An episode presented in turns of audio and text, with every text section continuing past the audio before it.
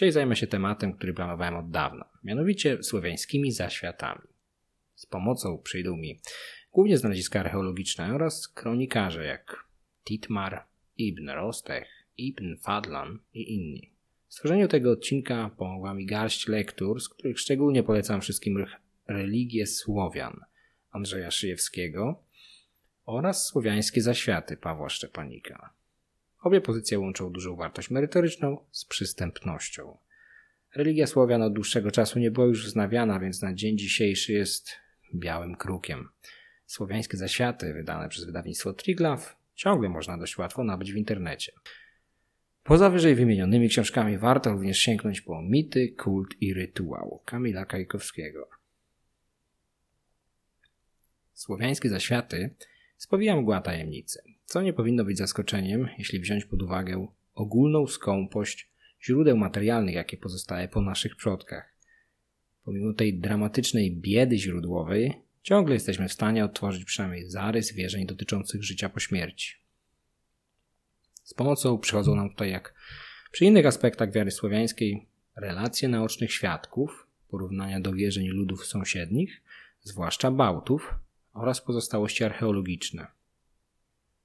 Głównie pochówki oraz nieliczne identyfikowane jako miejsca kultu. Czasami można spotkać się z poglądem, że Słowianie nie posiadali wierzeń dotyczących życia po śmierci.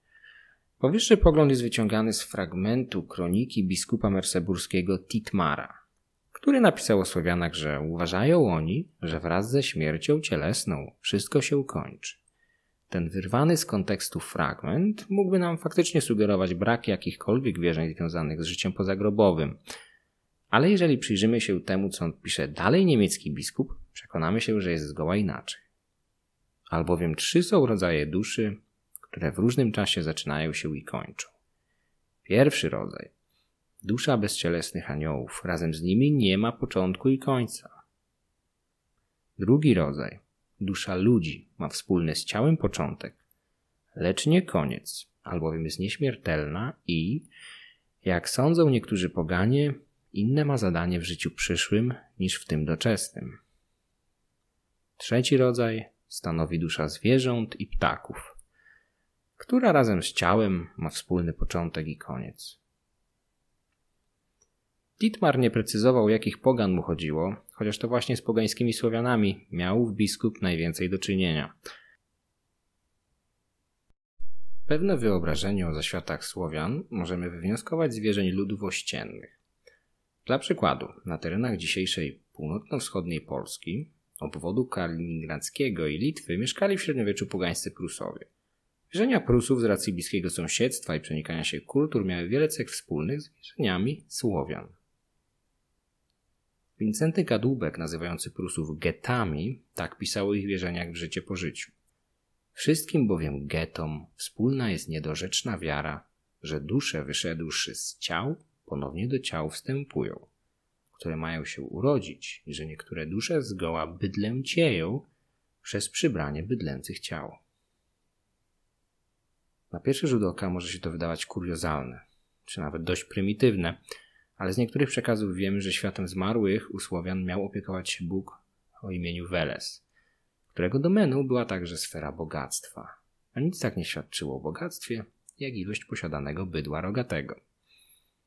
Niektóre relacje wyobrażają słowiańskie zaświaty jako wielkie pastwisko zamieszkane przez dusze zmarłych, pasących się pod postacią bydła właśnie.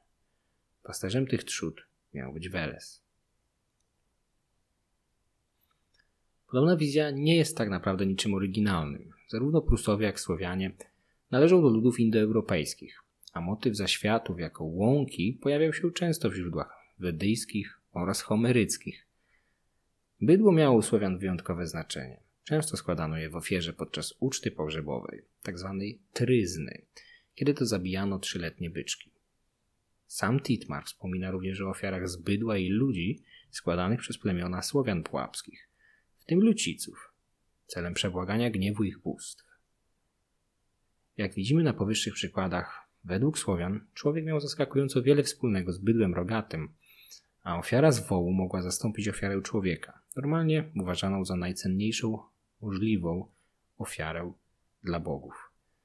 Co ciekawe, o ofiarach z bydła w kontekście Słowian wspominał wschodniorzymski kronikarz Prokopiusz, którego relacje są najstarszymi zachowanymi do naszych czasów wzmiankami o Słowianach. Bardzo barwną relację o ofiarach z ludzi, pojawiających się w kontekście słowiańskich rytuałów pogrzebowych, przekazał nam perski podróżnik i geograf Ibn Rostech. Jeżeli ktoś z nich umrze, palą go w ogniu. Zaś ich kobiety, jeśli ktoś im umrze, krają sobie ręce i twarze nożem. Na drugi dzień po spaleniu zbierają z owego miejsca popiół. Wkładają go do urny i umieszczają na pagórku. W rok po śmierci biorą 20 dzbanków miodu, czasem mniej, czasem więcej, i udają się z nimi na ten pagórek. Zbiera się tam rodzina zmarłego. Jedzą tam i piją, a potem oddalają się. A jeśli zmarły miał trzy żony, a jedna z nich twierdzi, że ona go najbardziej kocha, przynosi ona w pobliże zmarłego dwie belki i ustawia je pionowo w ziemi. Następnie kładzie na ich szczycie w poprzek inną belkę i przywiązuje w pośrodku jej sznur, którego jeden koniec jest przywiązany do jej szyi. Podczas tego stoi ona na stołku. A kiedy to uczyni, wyrywa spod niej ten stołek. Wyrywa się spod niej ten stołek, także pozostaje ona zawieszona, dopóki się nie udusi i nie umrze. Kiedy umrze, wrzucają ją do ognia, tam, gdzie się spala. Przy spalaniu zmarłego głośno się radują, utrzymując, że cieszą się z powodu zmiłowania się nad nim Boga. Ten sam Ibn Rostek zanotował podobne zwyczaje z wieszaniem ludzi i zwierząt w kontekście rytuałów Rusów. Fragment, który zacytuję, znajduje się w Księdze Drogocennych Klejnotów spisanej na przełomie IX-X wieku. Są u nich wywodzący się spośród nich lekarze, którzy posiadają nad ich królem taką władzę, jak gdyby oni sami byli panami. Rozkazują im, aby składali w ofierze Stwórcy to, czego zażądają. Kobiety, mężczyzn czy konie. Jeżeli ci lekarze coś przykażą, nie ma innego wyjścia, jak tylko spełnić ich rozkaz. Wtedy lekarz powiada: Oto ofiara dla Boga. O ile elita ruska, odpowiedzialna za stworzenie Rusi, pochodziła ze Skandynawii, Słowianie w początkowej fazie najprawdopodobniej stanowili jedynie ludność podległą. Wiemy jednak z historii, że Skandynawowie bardzo szybko asymilowali się z miejscową ludnością, przyjmując wiele lokalnych zwyczajów, również religijnych. Nie inaczej było na Rusi, gdzie z biegiem X stulecia nawet imiona władców tracą skandynawskie brzmienie i są zastępowane przez słowiańskie odpowiedniki. Jeszcze w latach 40. X wieku większość przedstawicieli kijowskiego poselstwa do Konstantynopola miała imiona nordyckie – Pół wieku później odsetek słowiańsko brzmiących imion był zdecydowanie wyższy. Powyższy fragment o tzw. Tak lekarzach mających olbrzymią władzę nad społecznością ruską może być dowodem na powstanie takiego skandynawsko-słowiańskiego amalgamatu. W samej Skandynawii bowiem nie spotykamy silnej warstwy kapłańskiej mogącej narzucać wolę jarlom. Praktyki magiczne były wśród mieszkańców Półwyspu w ogóle domeną kobiet, nie zaś mężczyzn. Stąd, jeżeli oglądaliście popularny swego czasu serial Wikingowie i robił on na was wrażenie postacią niejakiego przedwiecznego, wioskowego szamana wyglądającego jak ofiara przerażających eksperymentów medycznych przeprowadzanych w piwnicy Billa Gatesa, muszę was rozczarować. Jeżeli ktokolwiek w skandynawskiej wiosce miałby się zajmować gusłami i wróżeniem, Byłaby to najprawdopodobniej kobieta, zwana Side Koną, czyli kobietą magii Side. W Skandynawii spotykano mężczyzn zajmujących się czarami, tak zwanych side madów, jednak byli oni rzadkością, czymś nienaturalnym, stąd często traktowano ich z nieufnością czy wręcz wrogością. Jedynym mężczyzną, który mógł zajmować się czarami bez przeszkód, był Bóg Odyn ale ponieważ uchodził za Boga szalonego, nieszablonowego i w pewnym stopniu niemoralnego, uchodziło mu to płazem.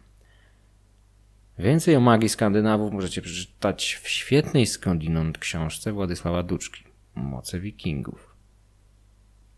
Wróćmy jednak do naszych źródeł nawierzenia Słowian. Przez jakiś czas zostaniemy jeszcze wśród Rusów i powołamy się na kolejnego dziejopisa z arabskiego kręgu kulturowego. Tym razem sławnego Ibn Fadlana. Dlaczego sławnego? Otóż jego opis pochówku ruskiego możnowładcy jest chyba najbardziej znanym. Na samym Ibn Fadlanie wzorowano postać głównego bohatera bardzo nieudanego filmu Trzynasty Wojownik z Antonio Banderasem. Scenarzyści włożyli w usta walczących wikingów pewne cytaty z relacji podróżnika, który osobiście odwiedził rejony nadwołżańskie na początku X wieku. Ibn Fadlan był z pochodzenia Grekiem, prawdopodobnie zniewolonym przez muzułmanów w dzieciństwie. W niewoli zaś przyjął islam. Dzięki nieprzeciętnym zdolnościom intelektualnym stał się sekretarzem misji dyplomatycznej skierowanej do Bułgarów kamskich, ludu zamieszkującego we wczesnym średniowieczu ziemię nad Wołgą. Fragmenty, które cytuję, można znaleźć w trzecim tomie źródeł arabskich do dziejów Słowiańszczyzny pod redakcją Tadeusza Lewickiego. Cała czterotomowa seria zawiera chyba wszystkie wzmianki o wczesnośredniowiecznych Słowianach, jakie dotychczas znaleziono w literaturze arabskiej i perskiej, dodatkowo rozjaśniając je przystępnym komentarzem. Seria publikowana od lat 50. do 80. ma w tej chwili status białego kruka, ponieważ od jej wydania nie było wznowień, a każdy z tomów miał mniej niż tysiąc egzemplarzy. A dodam od siebie, właśnie przypomniałem sobie, że nie, brakuje tam przy, na pewno a, relacji Al-Masudiego, ale poza tym mamy prawie wszystkie relacje e, pisarzy arabskich perskich. Tymczasem przejdźmy do opowieści arabskiego podróżnika. Ibn Fadlan pisze: Opowiadają, opowiadano mi, że czynią oni ze swoimi przywódcami po śmierci rzeczy, z których najmniejszą jest palenie zwłok. Miałem ochotę zapoznać się z tym bliżej, aż wreszcie doszła do mnie wieść o śmierci pewnego znanego człowieka spośród nich. Włożyli go do grobu, który przykryli na dziesięć dni, dopóki nie ukończyli krojenia i szycia jego odzieży. A to, że gdy umrze ubogi człowiek spośród nich, sporządzają dla niego małą łódź, wkładają go do niej i spalają. Zaś dla bogatego zbierają jego mienie i dzielą na trzy części. Jedna trzecia dla jego rodziny, za drugą część kroją dla niego odzienie, a za trzecią przygotowują nabit, który wypijają w dniu, w którym zabije się jego niewolnica i zostanie spalona wraz ze swym panem. Gdy umrze ich naczelnik, jego rodzina powiada do jego niewolnic i niewolników: Kto z was umrze razem z nim? Odpowiada ktoś z nich: Ja. A kiedy to powie, jest to już obowiązujące. Nie może wycofać się, a gdyby chciała tego, nie dopuszczą.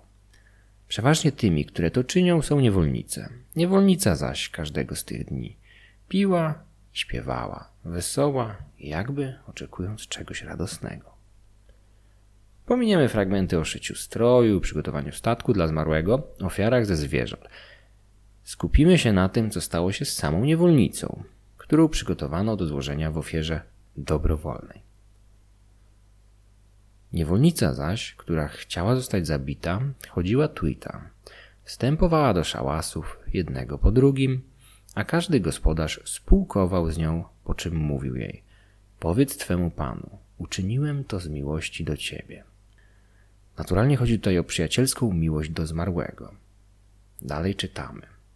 A w piątek, kiedy nastała pora popołudniowa, przywiedli niewolnicę do czegoś, co zbudowali uprzednio a co podobne było do drzwi bramy.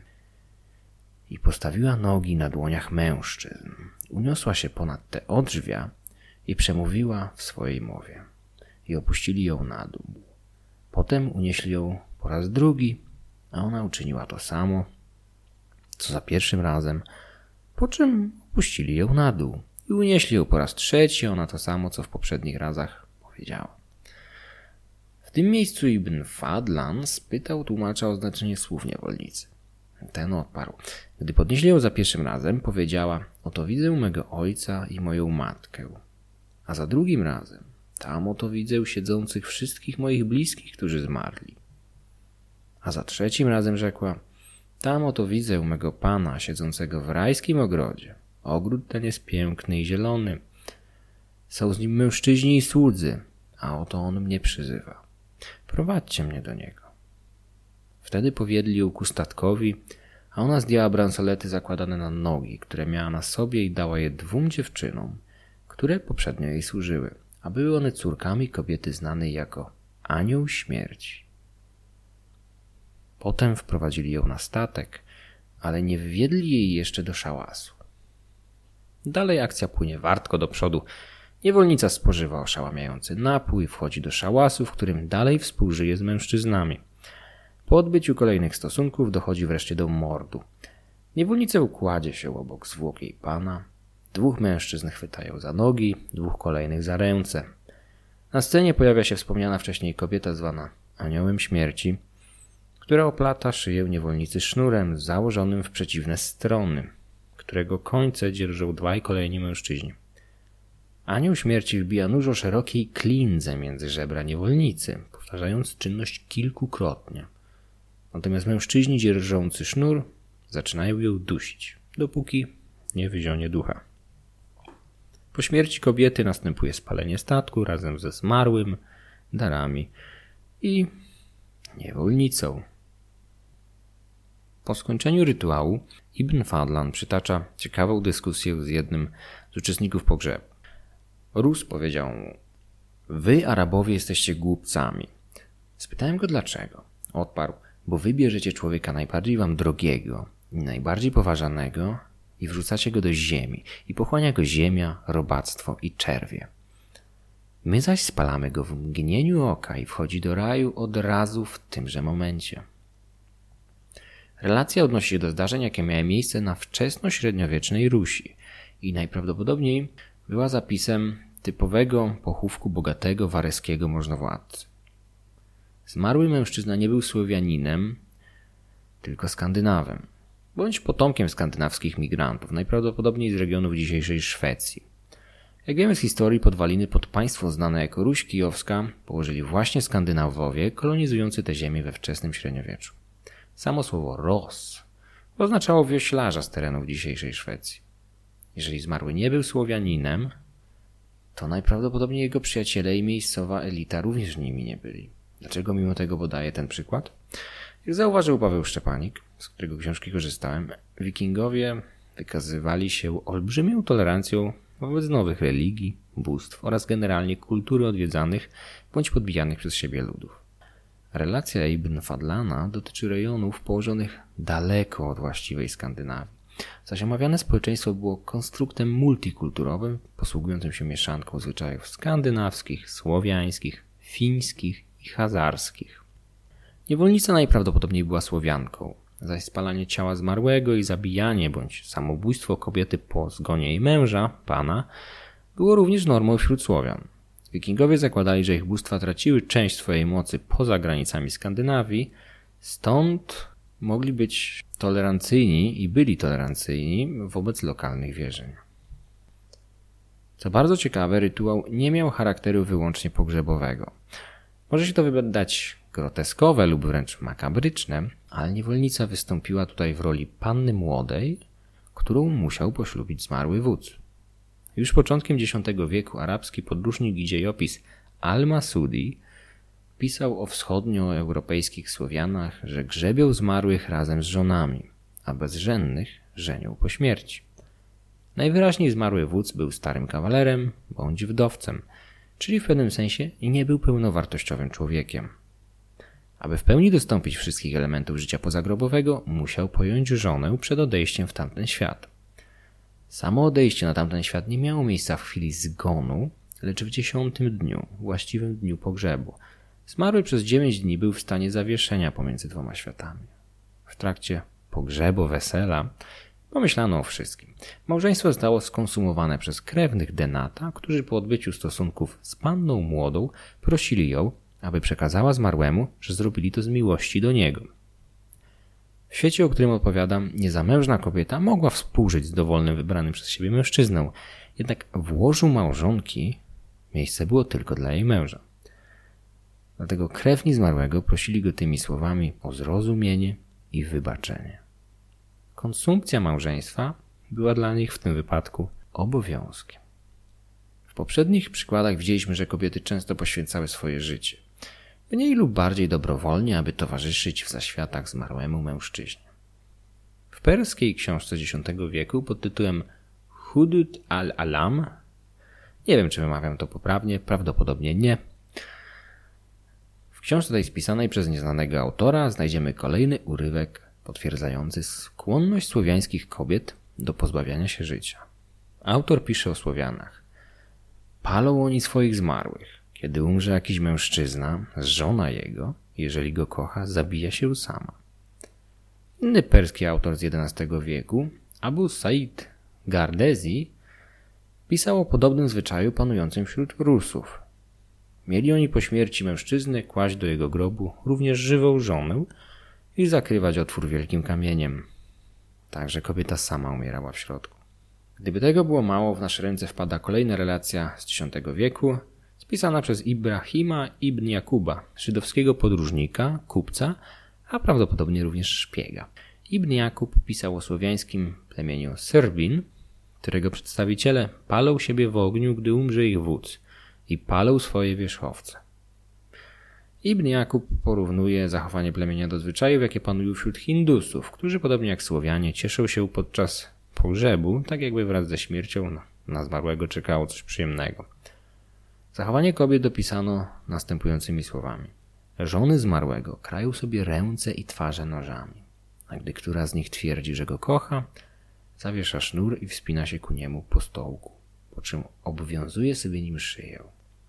Potem wyrywają spod niej stołek, a ona pozostaje zawieszona, dygając, aż skona.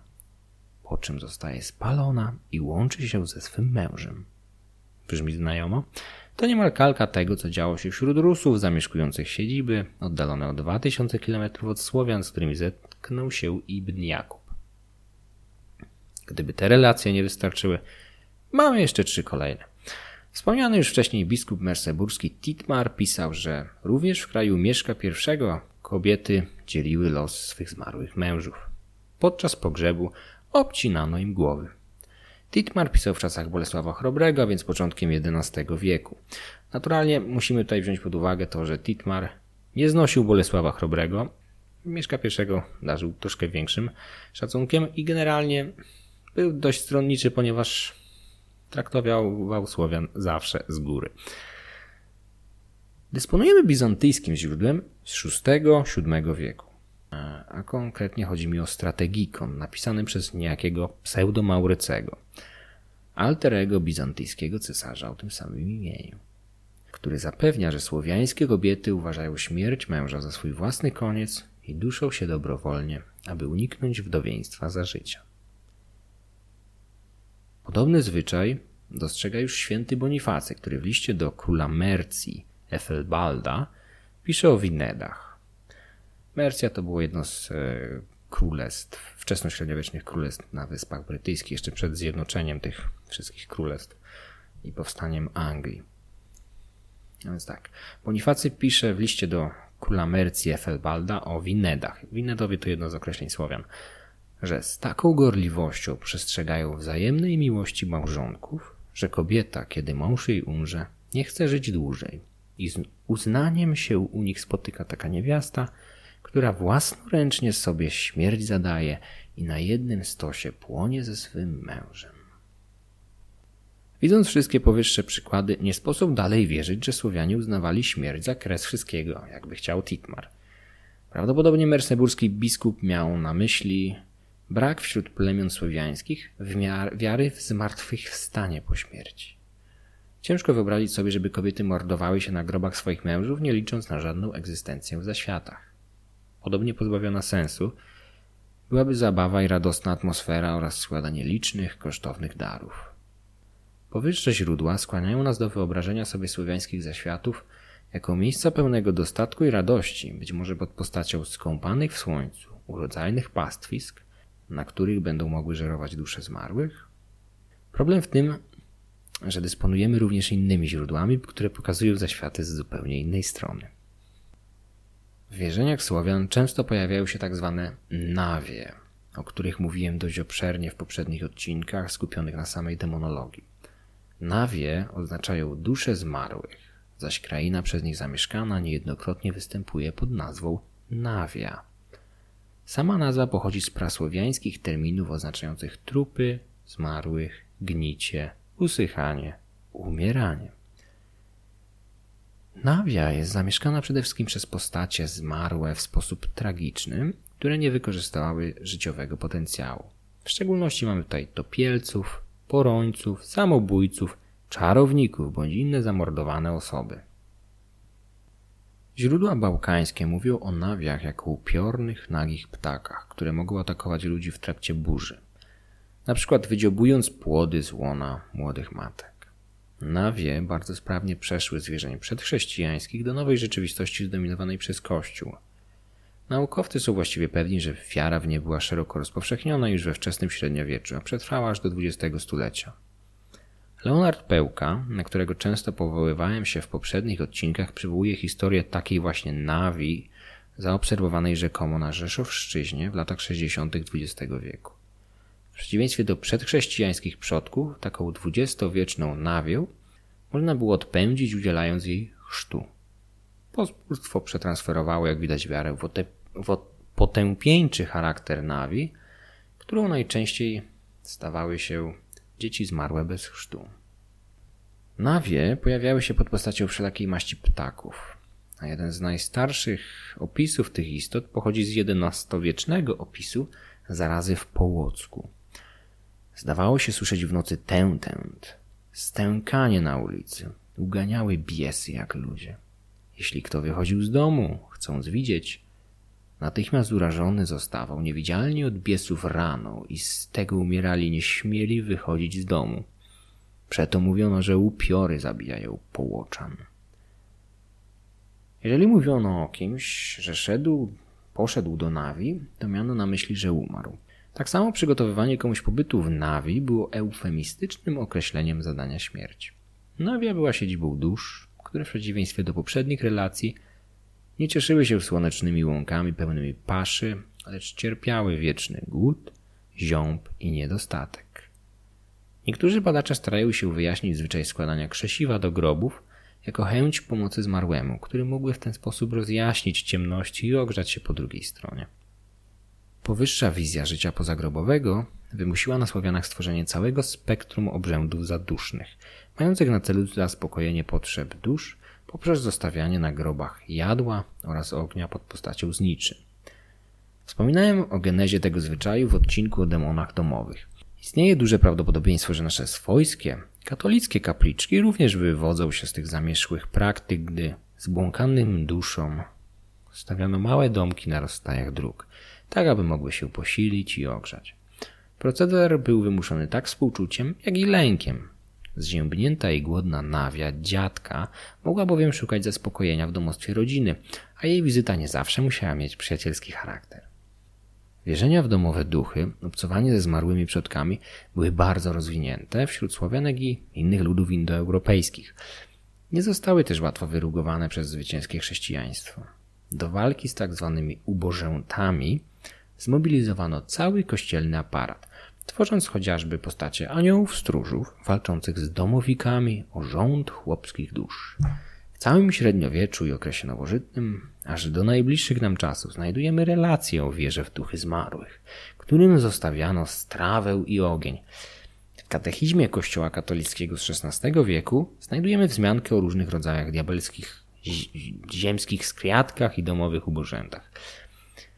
Sama nazwa ubożeł, jak już wspominałem w poprzednim odcinku, najpewniej nawiązywała do kiepskiego stanu materialnego owych istot.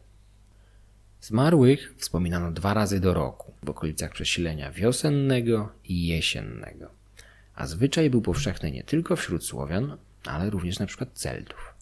Generalnie można zaobserwować mnóstwo podobieństw do wierzeń ludów barbarzyńskich, które skłoniły Georgesa Dumezila do stworzenia słynnej koncepcji trójpodziału władzy boskiej, obecnego we wszystkich ludach indoeuropejskich. Poruszę ten, tem ten temat w innym odcinku, ponieważ jest on kluczowy dla zrozumienia, w jaki sposób rekonstruuje się wierzenia Słowian, nie posiadając niemal wcale źródeł materialnych.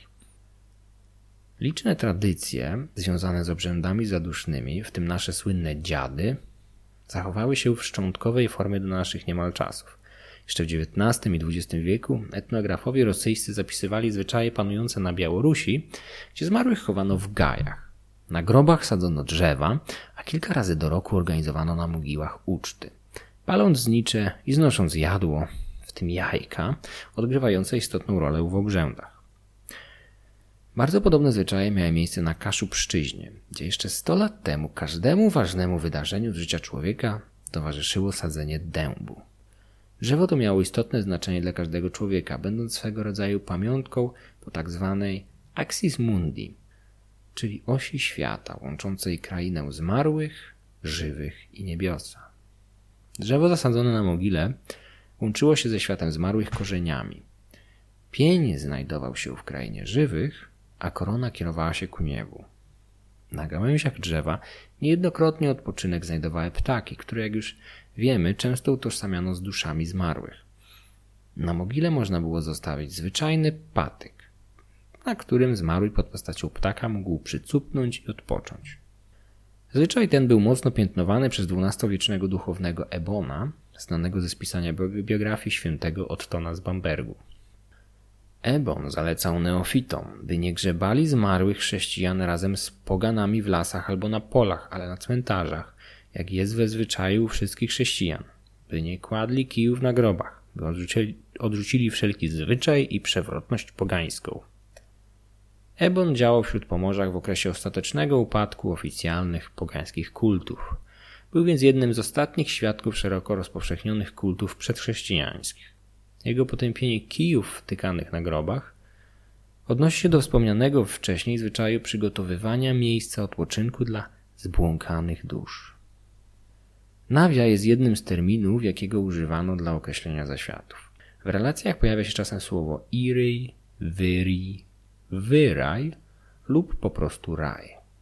Znawcy tematu sugerują, że słowo pochodzi z języka irańskiego i oznacza bogactwo, zasobność, szczęście. Słowianie powszechnie wierzyli, że to właśnie w wyraju chroniły się zimą węże i ptaki. Stamtąd też wracały na wiosnę. Wyraj był początkowo jeden. Jednak jak dowodzi Andrzej Szyjewski w religii Słowian, pod wpływem chrześcijaństwa powstały dwa wyraje ptasi i wężowy, odzwierciedlające niebo i piekło. Wyraj najczęściej przedstawiano jako krainę oddzieloną od świata żywych, zbiornikiem wodnym pod postacią wielkiej rzeki lub morza.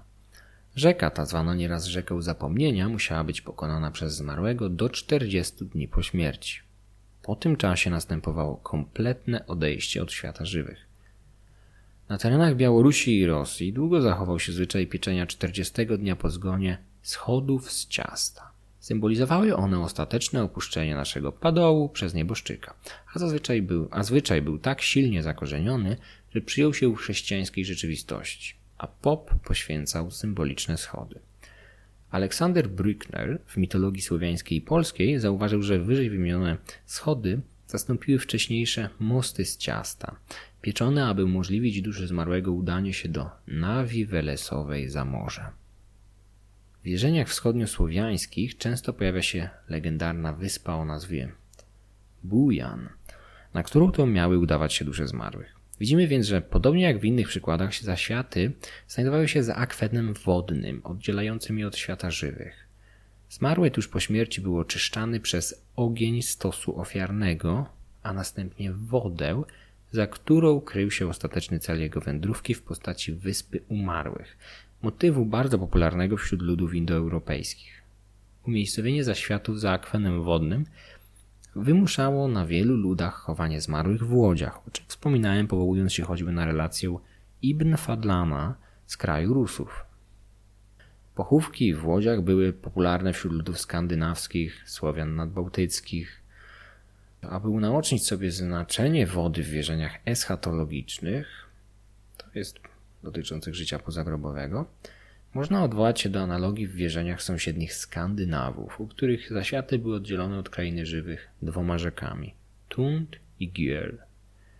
Kamil Gajkowski w swojej godnej polecenia książce Mity, kult i rytuał zwraca uwagę na symbolikę uprzemijania towarzyszącą wodzie. Rzeka często była traktowana jako droga w zaświaty nad którą przerzucono wspomniane przeze mnie mosty lub schody z ciasta. Cmentarze wczesnośredniowieczne często sytuowano właśnie za rzekami oddzielającymi je od osad żywych.